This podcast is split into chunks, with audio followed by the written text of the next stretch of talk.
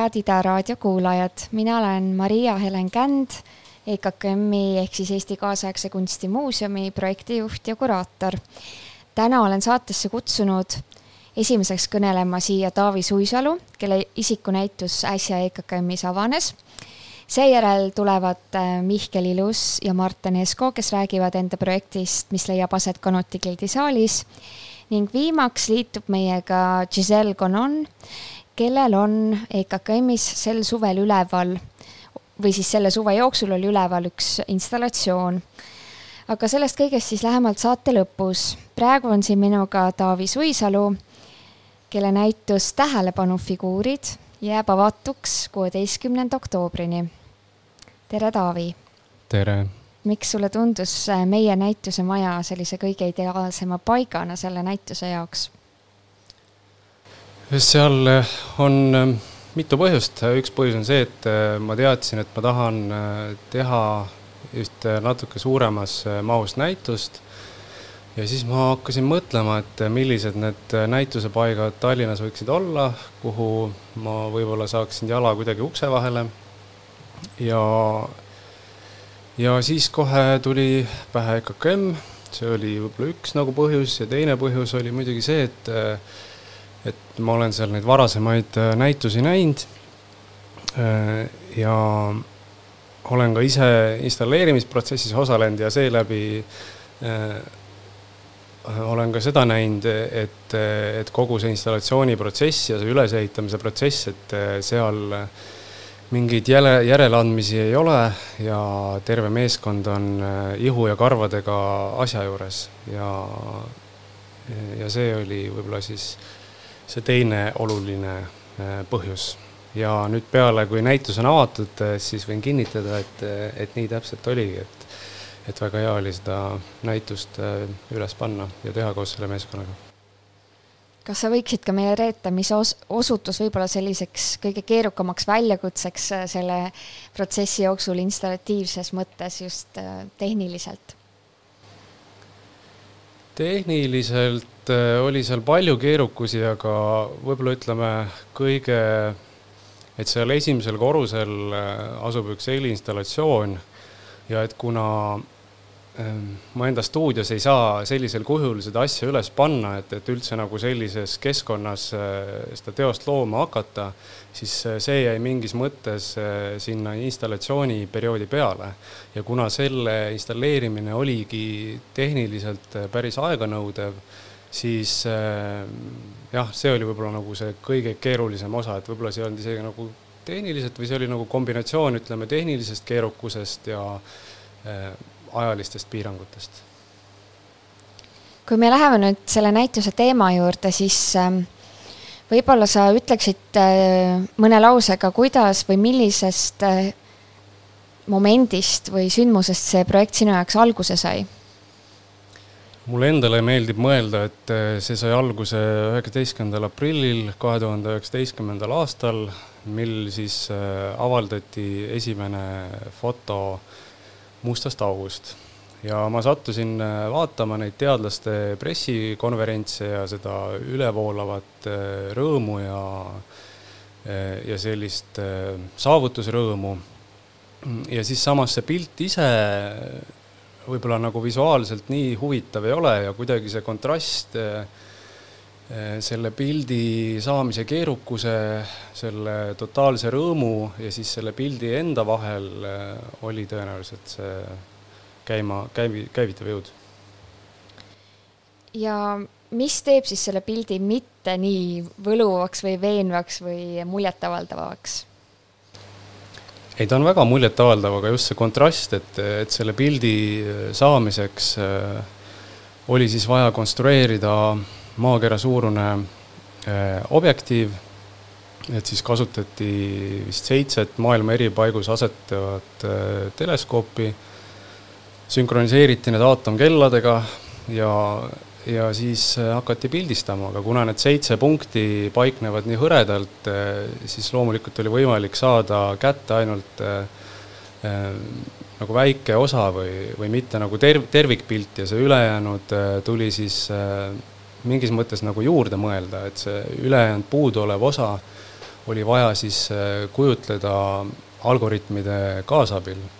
ja ka see osa oli selline öö, suurt pingutust nõudev, et öö, ja samas selle algoritmide või selle jah, väljatöötamise grupi juht on sõnastanud, et on olemas lõpmatu hulk pilte, mis kõik vastavad nendele andmetele, mis nad kogusid, aga osad neist piltidest on rohkem sarnasemad sellele, kuidas meie arvates üks must auk peaks välja nägema.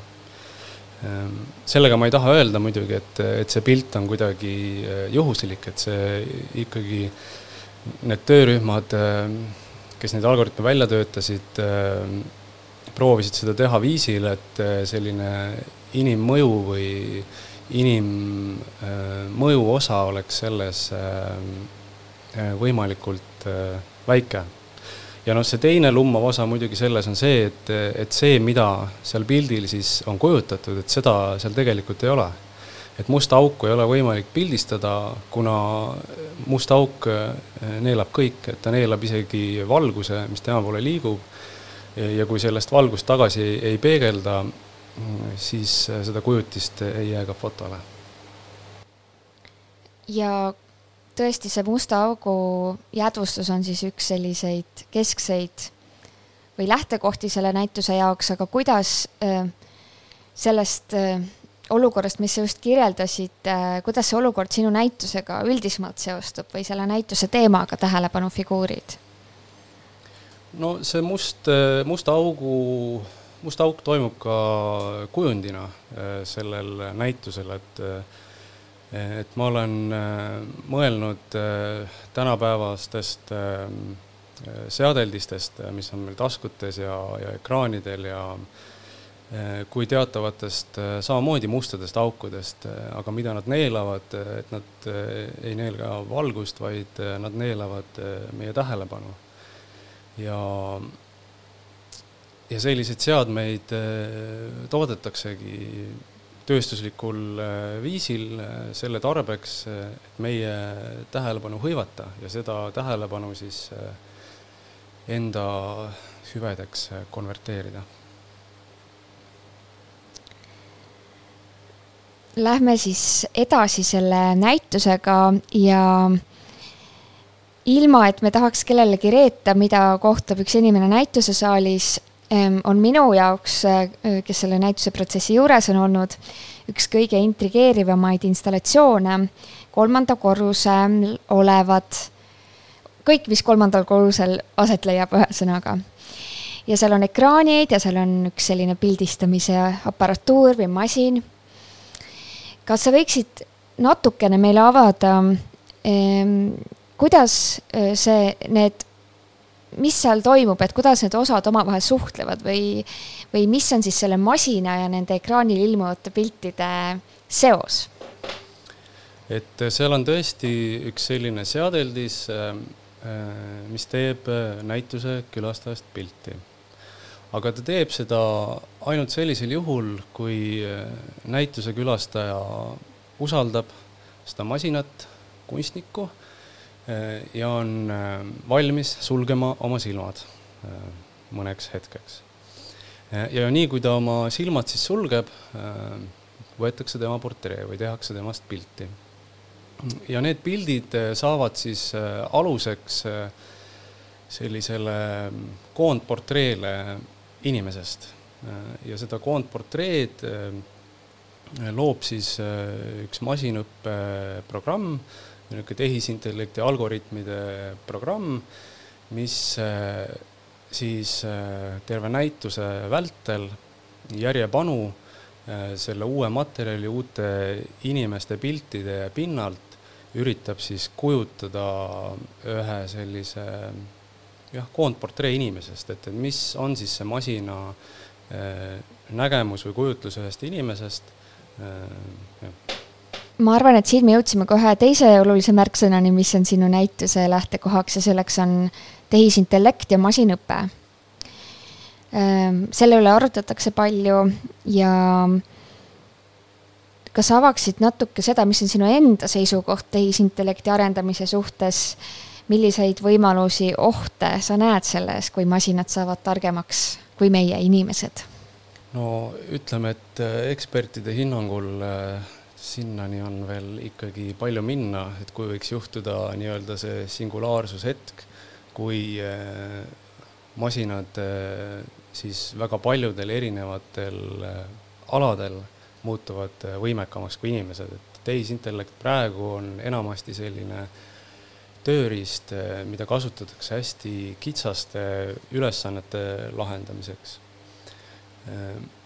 ja seda tööriista nagu igat teistki tööriista on võimalik eh, kasutada väga erinevatel eh, eesmärkidel, et selles mõttes ei ole temasse endasse või sellesse eh, endasse programmeeritud mingisugust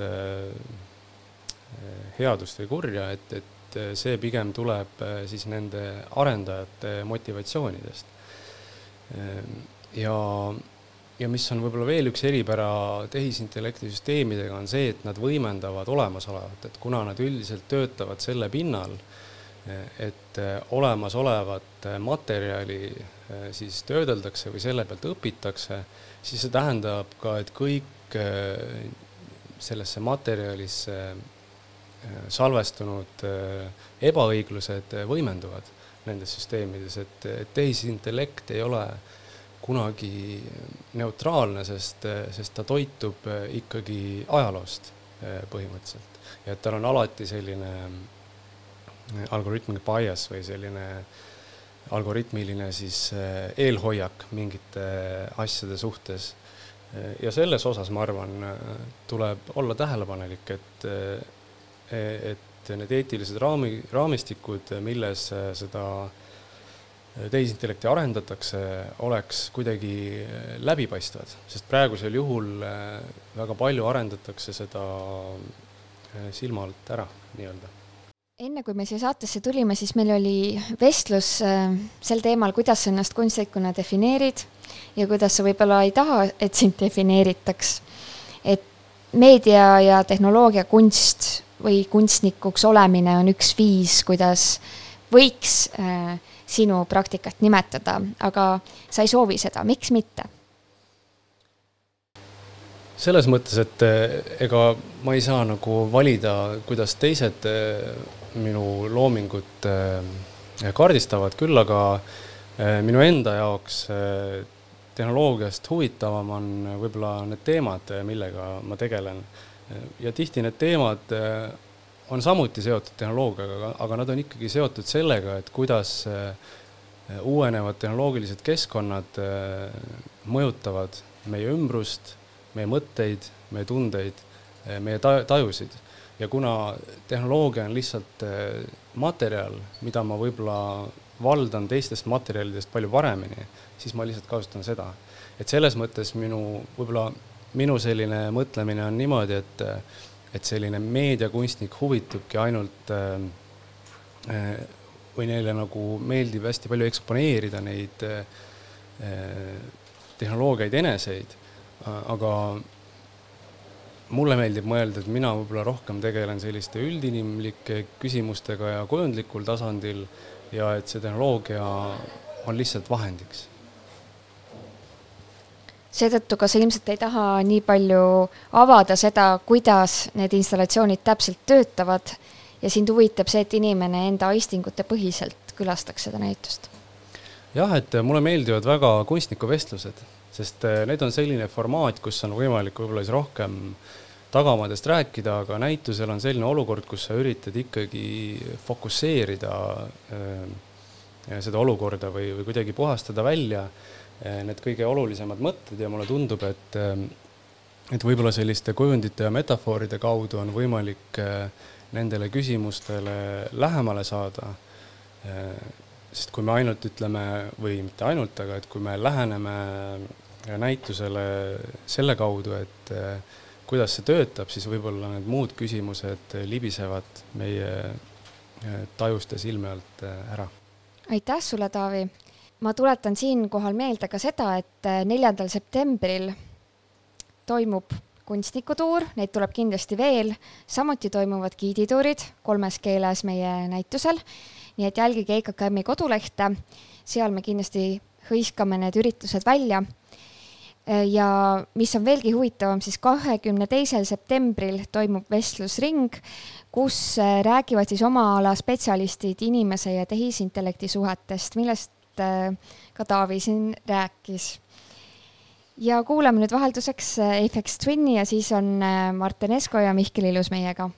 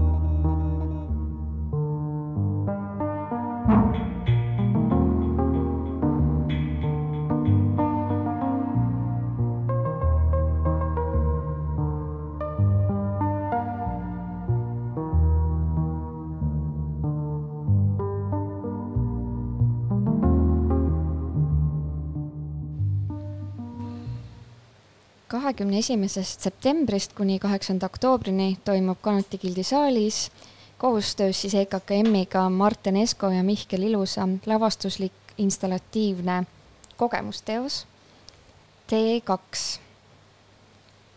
ja sellele projektile on eelnenud siis ähm, teie eelmine ühisprojekt Tupik Tallinna Kunstihoone galeriis, mida siis võiks kirjeldada näitusena näituse tegemisest. Mil määral see praegust, ähm, praegusest Kanuti gildisaali projektist erineb? Ähm, kas seal te mõtisklete selle üle, kuidas etendusasutustes näitust teha?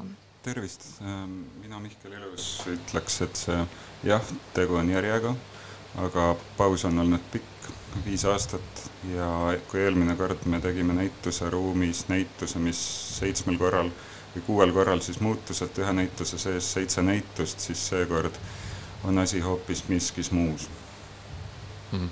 jah, tere, mina Marten ähm,. mõtlen ka, et mis, mis see miski muu on, et võib-olla kõige laiemalt ongi mingi märksõnaks jäänud mingis mõttes nagu määratlematus äh,. ehk siis noh, jah, väga huvitav on muidugi öelda, et jah, me tegeleme määratlematusega, aga pigem jah, me ei tegele väga määratlemisega selles mõttes, aga ta on, ta on mingis mõttes nagu järg või noh, see on nagu menta-, mentaliteedi mõttes järg. et me jätkame samamoodi töötamist või samamoodi koostöötamist, et ta on ikkagi jah, nagu koostööprojekt. jah, äh, siia nagu tahaks lisada, et mitte järg siis sisult, vaid just koostöövormilt, et me eelmine kord proovisime formaati, mis meie jaoks oli totaalselt tundmatu, et kas me suudame nii tihti kogu seda näitust muuta, seekord me oleme mõnevõrra endale pannud samuti parameetreid, mille sees me nagu päris täpselt ei tea, mis tuleb, aga selle võrra nagu julgemalt ja riskialtimalt katsetame. ma saan aru, et see muutumine või pidev muutumises olek on äh, siis mõlema projekti keskne märksõna mm,? sisuliselt küll, võib-olla nüüd praeguse juures isegi natuke vähem keskne, aga ta on võib-olla ka natuke nagu pöördvõrdeline selle eelmise Tupiku projektiga, et kui me seal muutsime nagu asju, et nagu noh, kommunikatsioon, pealkiri ja nii edasi, kõik jäi samaks, et me nüüd natuke äh, rohkem tahame muuta tähendusi, et võib-olla sellest see nagu määratlematus ka natuke tuleb, et noh, siis on ühe nagu plaanina on äh, kavas see, et põhimõtteliselt iga nädal peaks olema äh, sellel projektil erinev alapealkiri võib-olla mis muutub, ongi nagu selline efemeerne asi, et asi justkui nagu uues valguses, võib-olla ka sõna otseses mõttes, aga siis ka nagu metafoorses mõttes uues valguses. ja te töötate sel korral näitlejatega või etendajatega Liisa Saaremäel, Katariina Tamm, Markus Truup, Tambet Uisk. miks tundsite vajadust neid kaasata või mil määral nad on kaasatud sellesse? seal peaks tegelikult alustama kaugemalt, loodan, et Martin tutvustab meie meeskonda, aga vastan sellele näitlejate küsimusele ära, et ähm, mm, laval kuulab palju teksti, me ei kohta seal näitlejat füüsiliselt, et see on, et see kogemus on ikkagi sarnasem näituse külastamisega, kuidas publik ise vaatab omas tempos ringi, pidevalt video, valgus, heliteosed äh, vahelduvad ja näitlejate roll selles on neid tekste esitada ette kanda, nad ei ole ise laval. Ähm, aga meie jaoks on oluline ikkagi see koostöövorm, et, ähm, et just näitlejad neid ette kannaksid, aga selle mõte on nagu, et miks me siis näitlejat ei kohta, et ma vastaks sellele nii, et ähm, just see heli ja häälematerjal, kõik intonatsioonid, esitusviisid äärmiselt oluline, aga sinna juurde me lubame installatiivselt siis noh, kogu vaba kujutlusvõime, et me nagu, et me tegelikult äh, esitame ikkagi seal installatiivseid teoseid, millel on ka oluline helitaust mm. -hmm.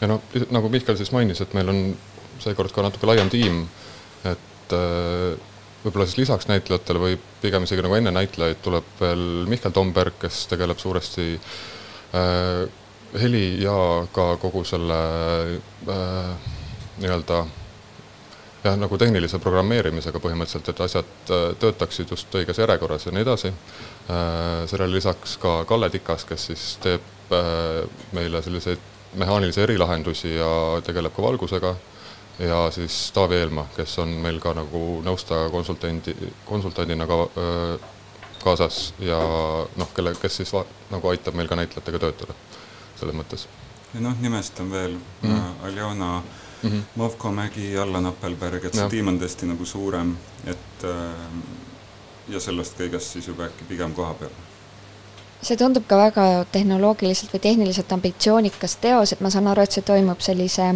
luubina siis nende kolmekümne päeva või palju neid päevi kokku on vältel mm. -hmm.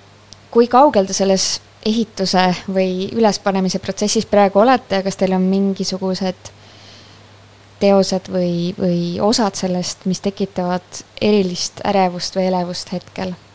no me oleme praeguseks olnud nädal aega saalis, äh, kolm ja pool nädalat on veel. Äh, suuremad ruumielemendid on enam-vähem paigas Äh, kõige rohkem elevust ärevust nii heas kui halvas tekitab paratamatult seesama kooskõla, mis peaks lõpus toimima hakkama.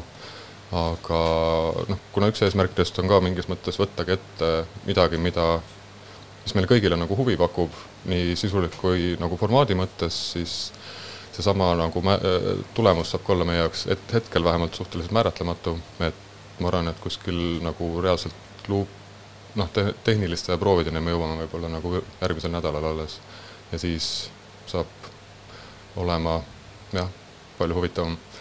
Aga noh, sellele kommentaariks võib-olla ka see, et nagu see küsimus, et et näiteks mida me teeme, tundubki vähemalt hetkel isegi nagu kolmandajärguline, et enne seda tulebki nagu, et miks ja kuidas ja siis pärast seda nagu alles tekib see vastus, mida.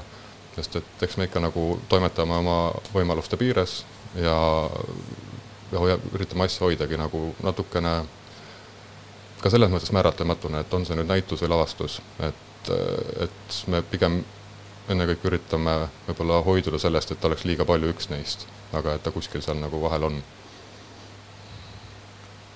jah, täiesti nõus. siin ilmselt see vastab ka mõnele küsimusele veel ära, kui ma juba ette ütlen, et asi ei ole selles, et teha ainult äh, lava peal näitust või siis nagu justkui lavastada, et ühesõnaga asi ei ole selles, et me oleks ühes või teises ruumis, et tegelikult on see ruum, see meeskond, see, selle teose eesmärk, need teemad, millega me tegeleme, et see ruum hetkel toetab enim tegelikult seda loojutustusviisi, mida me oleme otsustanud kasutada. et kas või noh, toon mingi lihtsa näite, et kui sul on ikkagi nagu teoses vaja nelikümmend 40 ajastatavat, timmerdatavat valgus, valgustit, et seda nagu kuigi tihti näitusesaalis ei kohta. et äh, ja on mingid väga kindlad elemendid, miks see ruum on meile hetkel sobiv ja miks see meeskond sellisena kokku tuli, et see nagu loo jutustus ise on meid kindlasti formaadist nagu kaugemale äh, viinud, et see meie, et nagu määratlematus on siit mitu korda läbi kõlanud, aga tegelikult meil on nagu mingid kitsamad teemad, mida me veel ei ole nagu vist tahtnud nagu otse-eetris välja öelda, et mi-, millise kirjanduse või millise temaatikaga me tegeleme. Et ses mõttes on nagu praegu väga heas vahekorras just see nagu lavaline aeg, et tegelikult nagu Märten ütles, et meil on nädal läinud ja kolm pool on veel, et see on suhteliselt suur luksus, neli pool nädalat, noh, tervet maailma äh, kuidagi äh, lavale üles ehitada, et see, et sellest me kavatseme võtta kõik ja noh, selle võrra oleme tõesti iga päev seal nagu tööd teinud. Aga ma lähen korraks selle kirjanduse või nende lähtekohtade juurde, et olles ise seda projekti lugenud juba siis EKKM-i poolt või ligipääsuga, siis ma, mind hakkas huvitama või kuidagi ma märkasin seal, et väga palju näiteid eh, olid kirjandusest toodud, mis teid inspireerisid, mitte siis näiteks filmist või teatrist. ja see on minu jaoks noh, mõneti põnev, sellepärast et äh, justkui nendes kahes teises valdkonnas tegeletakse rohkem sellise visuaalse ruumiloomega sõna otseses mõttes, et ähm, kuidas teie, kuidas teile tundub, kas kirjandus võimaldab siis seda määratlemat-, määratlematust rohkem või mingeid elavamaid kujutluspilte? no mul on tunne, et jah, just tänu sellele, et nagu kirjandusega tuleb justkui vähem laetud mingi esteetika kaasa, et, et sa pead ikka ise päris palju sinna juurde panema, et sul hakkaks mingi pilt kujunema asjast.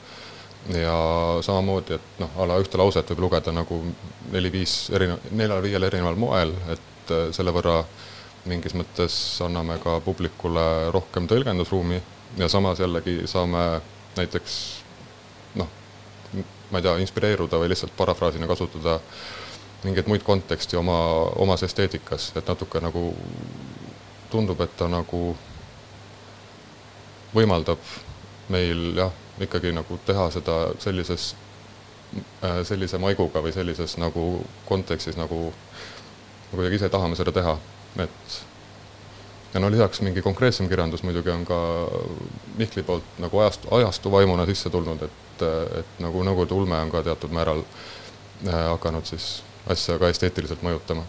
ja aga sul, kuidas, kel, kes sul need kirjanikud praegu on, et kes nojah, no minu enda nagu jah, no mu enda, enda peamiseks võib-olla nii-öelda tõukuriks on olnud jah, David Foster Wallace ja noh, lisaks veel ka Bret Easton Ellis, aga see on kohati isegi pigem mingi teatava inimlikkuse või inimeseks olemise nagu taju mõttes?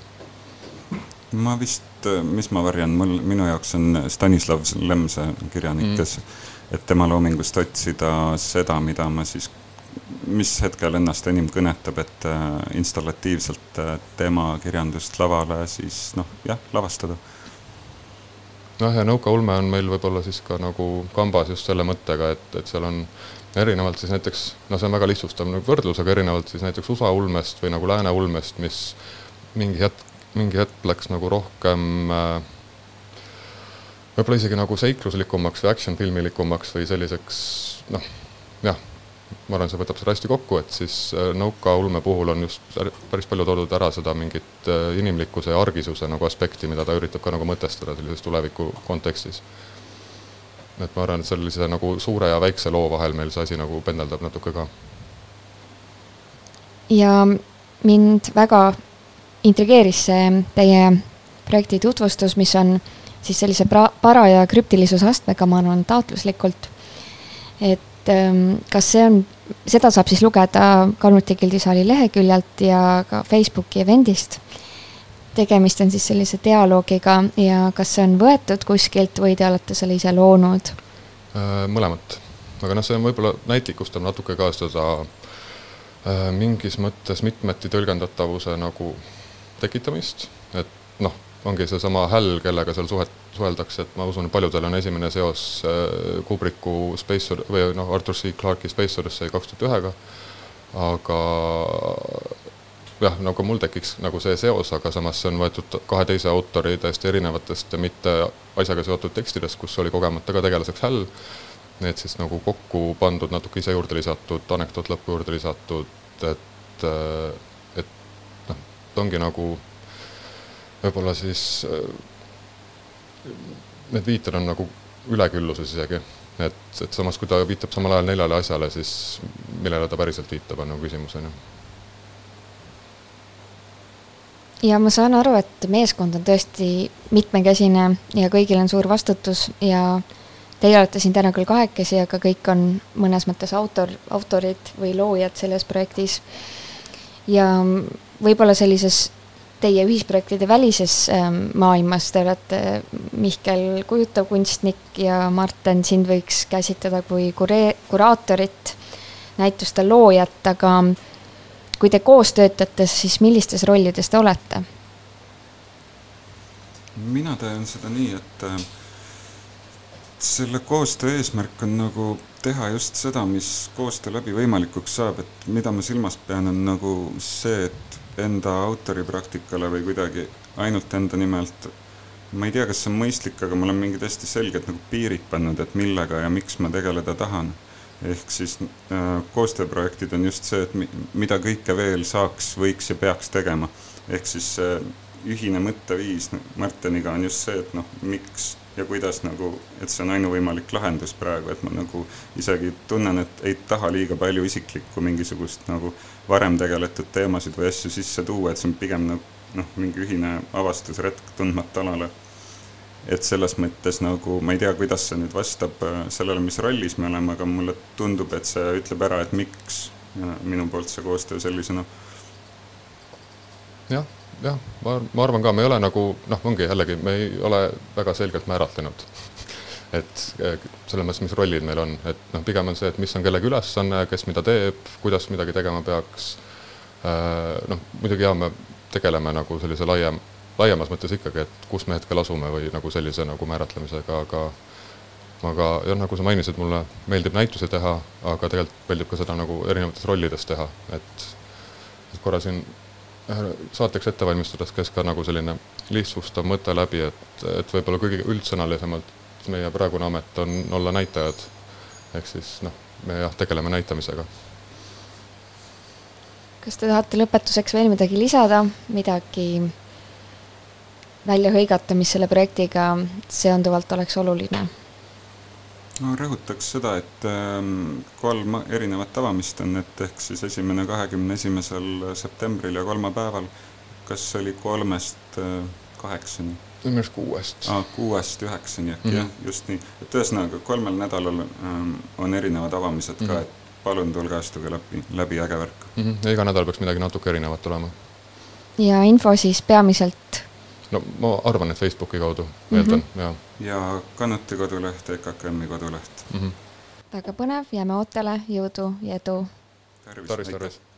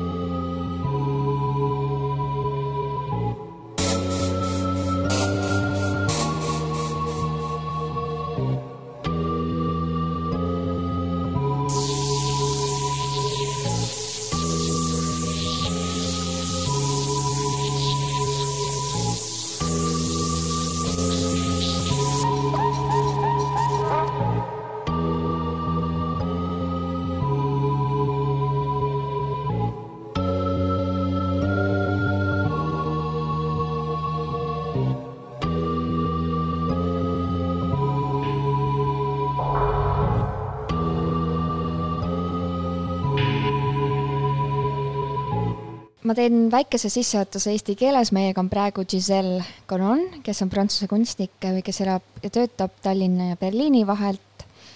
ja tema installatsioon Against the Grain on EKKM-i hoovis meie kogukonna lähedal väljas selle suve jooksul. ja räägime Giselle'iga täna sellest, millega ta tegeleb ja miks So now in English, at EKKM we want to extend the exhibition and art space from the inside of the building to the surrounding garden and, and also to the house or the outside. Um, this year, the French artist who is based between Tallinn and Berlin, Giselle Gonon, realized her installation at the EKKM Garden. Hi, Giselle. Hey, Tere. Tere. Your installation Against the Grain is a conceptual cereal garden that brings modes and scales of ag- agriculture production into urban space. And it acts as an agriculture artwork that addresses several aspects of contemporary grain production. If you would describe this installation or this work for people who haven't seen the work before or didn't have the chance to visit it during the summer, how was it set up uh, in the garden? Um, so the work consists in two parts. Um, there is the in situ uh, part installation at uh, EKKM outside part, and there is also a digital manifestation, which is an online archive on the on the project. But at EKKM, um, so we build a, a, mini field from scratch. That means uh, we brought uh, 35 tons of soil, more or less. And uh, yeah, so this mini field is more or less uh, 60 meters, square meters, sorry. And it takes the form of a speculative cadastral map. So I install it between two spaces, the garden, and it goes a bit more far away in the parking slot um, the field is covered uh, both with both a protected and sculptural netting over its surfaces. Um, so it creates a kind of organic uh, form. It's a kind of organic vessel who carry my 12 uh, type of bread uh, making cereals. Um, we saw it. Uh, we sown all all the seeds in April with uh, community gardeners and now it's the time of the harvest. And um, when's the right weather or when are the right circumstances there for harvesting? Uh, now it's a bit uh, with the weather, it's not the best. Um, I mean, even if the main goal for this project was not the growing, uh, it's still a. Cons- I mean, I'm not a farmer, and I much more respect for the farming too. um, substitute of that. So the idea there it's more to create a kind of metaphoric or poetical um, realm about the agricultural production topics, but uh, still we want to harvest and have some seeds, which will be the EKKM seeds now, more or less. And uh, yeah, we will do that now in the next days. Your practice has an out autobiograph autobiographical and personal background. Uh, can you tell more about it? Um, yes, yeah, so I'm busy with the question of labor and production. And I think a big part of that is because I grew up in a farm in southeast of France, and um, my parents had a dairy farm, so they produced milk.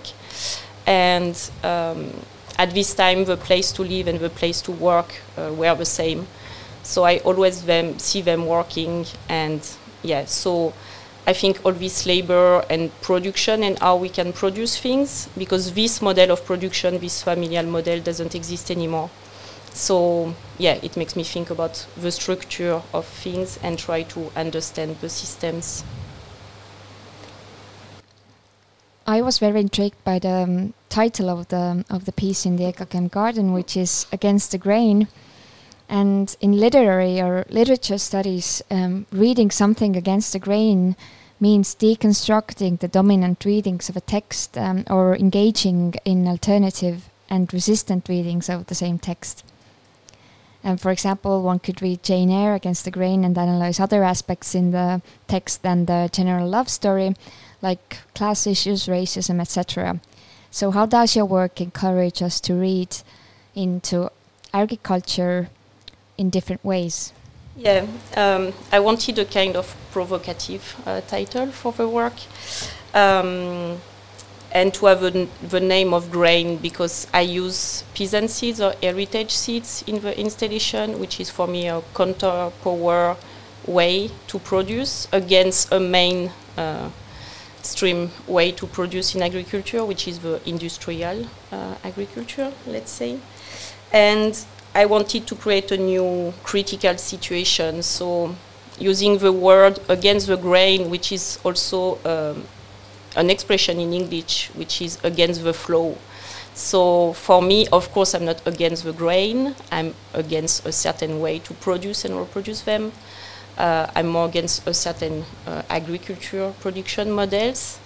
Um, but you use this double meaning and the one more literally um, in literature studies uh, was for me um, a good way to to um, encourage people to look uh, the seeds, which is which are really small, and to have a bigger perspective of that. And I listened to a talk um, one day uh, where you said that uh, when you started studying in art school, then agriculture and cultivation were not so popular topics. Mm. Um, they have become, to my opinion, in recent years. What mm -hmm. could be the reason for that?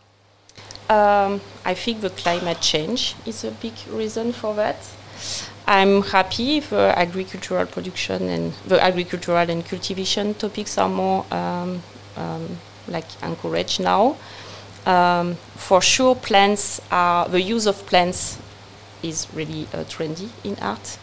The agriculture, I'm, I'm not so sure, but um, yeah, from my side again, I'm really interested about the production and the process. So um, yeah, I think many people, because of the food sovereignty and the commons and the question of the commons, are really interested about that. Um, I think in art, uh, between the artist and the art institution, they also should look also how they produce uh, art, because many of the exhibitions also who deal with this topic are um, not so sustainable in their way to produce. so yeah, I think it would be a good. Uh, it would be interesting also to really look from the inside of the production. Definitely especially exhibition producing is yeah. very um, non-sustainable. No. I mean, even if many solutions exist, I mean, now people are more and more conscious about that, and mm-hmm. institutions try so. But as for the farmer, I think we cannot just put the responsibility on the artist or on the person, but it's more part of a bigger system. Sure. And for this project, you have done collab or you have collaborated with different small farmers and also scientists who deal with um, um, agriculture production in Estonia.